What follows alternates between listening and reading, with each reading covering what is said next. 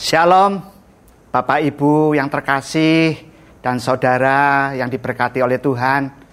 Pada kesempatan ini, saya salah satu Kahalkit Mentor ingin men-sharekan tentang tanta nilai Kahalkit, yaitu yang kelima, respect, menghormati. Mari kita baca di dalam 1 Petrus 2 ayat 17. Demikian bunyi firman Tuhan. Hormatilah semua orang, kasihilah saudara-saudaramu, takutlah akan Allah, hormatilah raja. Bapak Ibu, kalau kita baca tadi di 1 Petrus 2 ayat 17, ada empat komponen di dalam menghormati. Ternyata menghormati itu bisa untuk semua orang. Menghormati berarti menghargai ciptaan Tuhan. Karena di mata Tuhan semua orang derajatnya sama. Mari kita tanamkan kepada putra-putri Bapak Ibu semua untuk mereka menghormati semua orang sebagaimana Tuhan menciptakan manusia dengan derajat yang sama.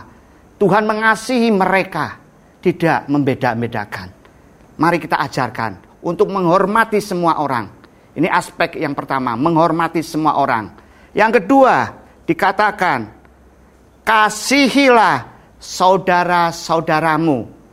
Di dalam menghormati ternyata ada kasih. Kasih kepada siapa? ke saudara-saudaramu, kepada anggota keluarga, kepada orang tua, kepada adik, kepada kakak, bahkan famili-famili yang lain. Tuhan ajarkan untuk mengasihi. Inilah di dalam menghormati ada kasih. Yang ketiga dikatakan takutlah akan Allah. Takut di sini bukan karena takut dengan hukuman Allah, bukan. Tapi suatu penghormatan akan Tuhan. Suatu menghargai, sikap menghargai akan Tuhan yang mulia. Di dalam tata nilai menghormati ini, ada nilai-nilai tersebut Bapak Ibu. Mari kita ajarkan kepada putra-putri Bapak Ibu semua, biar ada rasa hormat, rasa menghargai, takut akan Tuhan. Haleluya. Dan yang keempat, dikatakan menghormatilah raja. Zaman dulu raja ini berbicara tentang pemerintahan. Mari di dalam tata nilai menghormati ini, tata nilai yang kelima ini, respect ini. Mari kita ajarkan biar putra-putri Bapak Ibu juga mempunyai sikap menghormati pemerintahan Pemerintahan dipilih oleh Tuhan. Mari kita sebagai warga negara, anak-anak Tuhan yang ditempatkan di suatu negara, kita mau dukung, kita mau doakan pemerintahan resmi, kita mau support hal-hal yang baik demi kejayaan, kemajuan dari bangsa kita. Haleluya. Mari kita ajarkan. Bapak Ibu, supaya kita memiliki penghormatan, bisa menghormati, mengasihi, tentunya ada sikap yang rendah hati. Ya, orang yang memiliki sikap yang rendah hati, dia akan bisa menghormati. Kalau orang yang sombong, tentu dia merasa angkuh, dia tidak mau menghormati orang lain. Bagaimana kita bisa belajar untuk memiliki sikap yang rendah hati. Kita baca di Matius 11 ayat 29. Demikian bunyi firman Tuhan. Pikulah kuk yang kupasang, yang Tuhan pasang. Dan belajarlah kepadaku, kepada Tuhan. Ini syarat untuk kita bisa memiliki sikap rendah hati, yaitu mau dipasang nilai-nilai yang Tuhan tanamkan untuk kita jalani. Dan Tuhan katakan belajarlah. Alkitab ini buku kehidupan Tuhan. Keteladanan Tuhan banyak diceritakan di sini. Kita mau belajar supaya kita memiliki sikap hati yang rendah hati. Lanjut firman Tuhan katakan karena karena apa Tuhan lemah lembut dan rendah hati. Inilah sifat Tuhan. Dan dikatakan jiwamu akan mendapat ketenangan. Haleluya. Orang yang mau belajar kepada Tuhan memiliki sikap yang rendah hati akan mendapat ketentraman di dalam Tuhan. Haleluya. Bapak Ibu, uh, saya coba cari bahasa Jawa tentang rendah hati. Ada satu kalimat yang luar biasa yang saya coba renungkan, saya pelajari kalimatnya rendah hati itu andap asor. Ya, andap asor. Ya. Di dalam andap asor yang saya pelajari, ternyata ada tiga hal. Yang pertama, ada unggah ungguh. Apa itu unggah-ungguh? Yaitu etika bersosial. Ya. Bagaimana seorang yang mempunyai rendah hati mau menghormati, dia punya unggah-ungguh, etika bersosial.